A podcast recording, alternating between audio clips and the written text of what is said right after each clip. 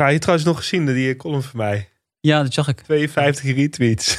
dat is wel vet, toch?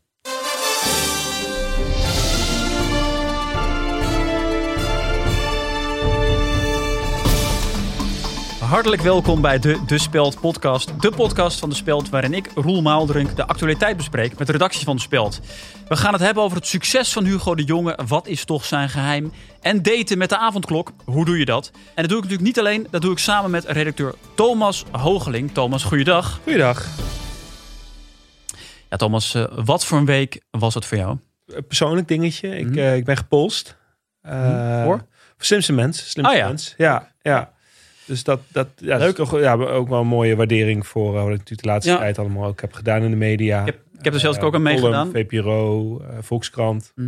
Eh, ja, je hebt ook een keer meegedaan. Ja, Ja. ja. ja, Een Ik jaar- snapte dat, ja.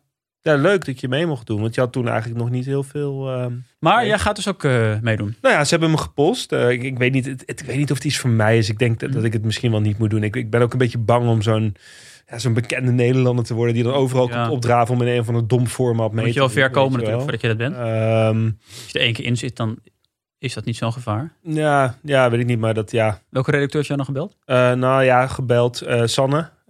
Mhm. Sanne van der ken je die?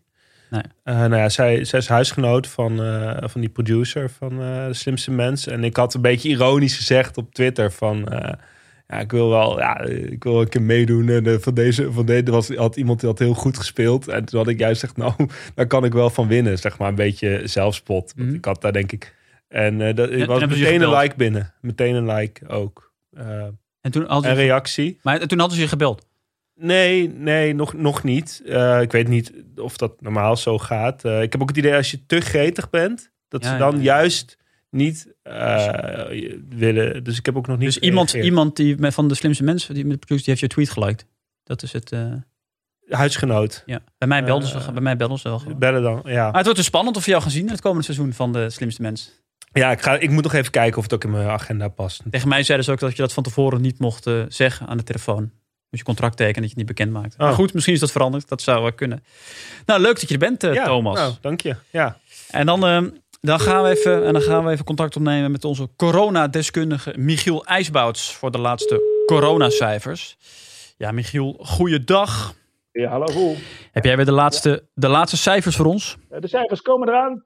Ja. Deze week worden de coronacijfers aangeboden door Mad Sleeps. Mad, Mad Sleeps? Sleeps, de matras van Nederlandse bodem, die jou helpt bij een heerlijke nachtrust. Word jij ochtends ook altijd moe wakker? Koop dan een matras bij Ja, Mad Michiel. Altijd 100 dagen op proef. En Michiel, niet goed, ik- ik- ik stop jou- terug. Ik stop jou hier even. Want die, we hadden die sponsordeal met Mad Sleeps vorig seizoen, maar Ja. die is afgelopen. We hebben nu eh, Hello Fresh. En dat doen we gewoon in, in, een, HelloFresh. in een los blokje. Dat, dat, dat kan kloppen, dat, daar hou ik me helemaal buiten. Maar ik heb nu wel een sponsordeal met Mad Sleeps voor de coronacijfers. Die worden nu dus aangeboden door Mad Ja. Sleeps, de nieuwe coronacijfers. Ja. Wil je ze horen? ja, ik wil graag de cijfers horen, maar ik hoef niet, ik hoef niet dat over die matrassenfabrikant te horen. De nieuwe besmettingen Ja, van die wil ik- deze week. Ja. 193.865. Nee. Wil je comfortabel En waar staat dat voor? Ondanks dat je ligt te roggelen. 4.949. Ja. Geen zere nek meer op Wat- de IC. Wat zijn die cijfers dan? 209. Wat is, Mad Sleeps. Een heerlijke matras. Juist in deze tijd. Michiel, het is mij totaal onduidelijk waar die cijfers nou allemaal dan voor staan. Ik heb nog een cijfer voor je. Ja. 100. Dat is de korting die je kunt krijgen met de speciale coronakortingscode. Dankjewel, dankjewel Michiel IJsbouts voor deze coronacijfers. Nou goed. En bedankt Mad Sleeps voor deze cijfer. Hoe kijk jij nou aan, eh, Thomas, tegen die coronabesmettingen? Nou ja, je hebt nu natuurlijk ook de Britse variant. Mhm. En die Britse variant die gaat eh, sneller over van mens op mens. Je zou kunnen zeggen die is besmettelijker. Mhm.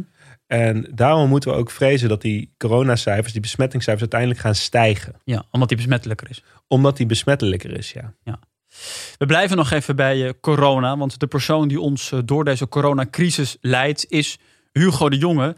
Wat is het geheim van zijn succes? Thomas, je bent politiek commentator en je hebt Hugo de Jonge voor ons geanalyseerd. Wat viel jou op?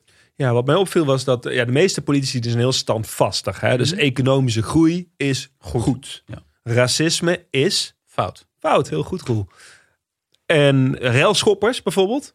Tuig. tuig. Tuig. Ja, ja, precies. Heel duidelijk allemaal, weet je wel. En dat is op zich lekker om naar te luisteren. Zeker. Maar Hugo de Jonge kiest een andere weg. Die is meer van het enerzijds anderzijds. En daarmee cijfert hij zichzelf misschien een beetje weg. Maar verbindt hij wel in een gepolariseerde samenleving natuurlijk die twee groepen. Ja. Eh, En je zegt van enerzijds, enerzijds, anderzijds. Wat bedoel je dan daarmee? Nou, bijvoorbeeld wat hij eh, bij een persconferentie zei, wat mij, wat mij echt raakte, was eh, juist omdat het virus gillig is, Mhm. hebben wij houvast nodig. En wat Ja. bedoelt hij daar dan mee? Kom binnen, hè? Ja. Nou ja, kijk, ja, dat virus, dat kunnen we natuurlijk niet voorspellen. Hè? Dat gaat alle kanten op. Britse variant, Zuid-Afrikaanse variant. Wij weten het niet. Mhm. En daarom moeten wij juist zekerheid hebben. Ja. Ja, Het klinkt ook wel, zijn, zijn, zijn allemaal woorden, maar er is ook wel toch een hoop kritiek op het beleid. ja, ja. kijk, wij moeten vrijheden inleveren om ze te behouden. Mhm. Hugo de Jonge Ja. ook. En bijvoorbeeld dat vaccineren, daar zijn we heel laat mee begonnen. Valt hem dat dan aan te rekenen?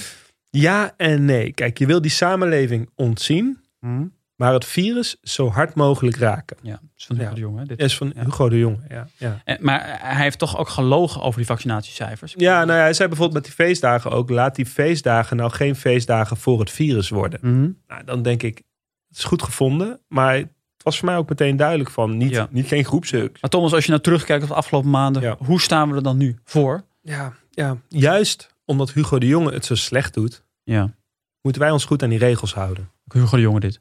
Nee, die is van mezelf. En dan een bericht van onze sponsor HelloFresh. Bij HelloFresh valt nu veel te kiezen, wel of niet vegetarisch, extra gezonde maaltijden of maaltijden die lekker snel klaar zijn. En elke week op het moment dat jou uitkomt bij je thuis bezorgd. Handig als je druk hebt, zoals onze vriend Thomas. Met de kortingscode HELLO de speld krijg je op je eerste drie boxen in totaal maar liefst 45 euro korting. En blijf je niet met een halve paprika, een stuk kip of een half bakje kookroom zitten, die je na een week in je koelkast weer kunt weggooien. Met de kortingscode HELLO de speld. Goed hè? Ja, maar goed, ja, ik hou zelf niet van vers eten, maar voor een vriendin is het wel leuk. Dan daten in avondkloktijd. Hoe doe je dat? Want niet iedereen voelt zich er even prettig bij om meteen bij iemand thuis af te spreken. We hebben het erover met onze speldredacteur Simone Hermes. Simone, goeiedag.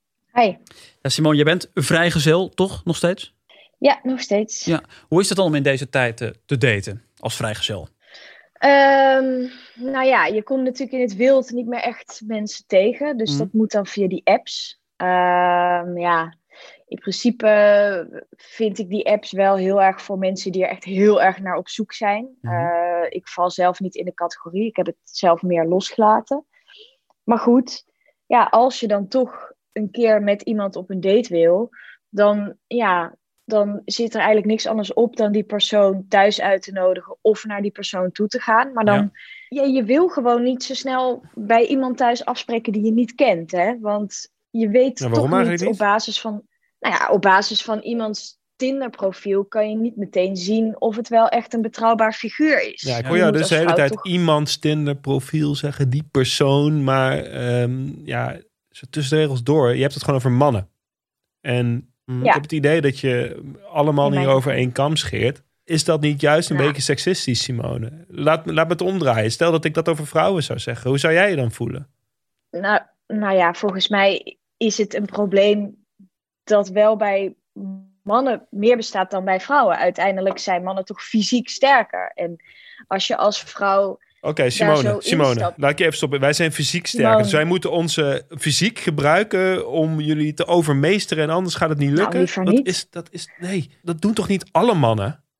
Ik, ik zou het wel fijn vinden als je hier afstand van neemt eigenlijk. Oké, Thomas, maar ik heb het ook niet over alle mannen. Ik zeg dat het Nou, dat kan gebeuren. En, en dat je dus als vrouw daardoor beter bedacht moet zijn op wat je doet. Dat laat ik even bij jou wat je hier zegt, eh, Simone. Ehm, wat mij juist opvalt, is dat, dat vrouwen met, met wie ik eh, afspreek eigenlijk meteen willen samenwonen, alles.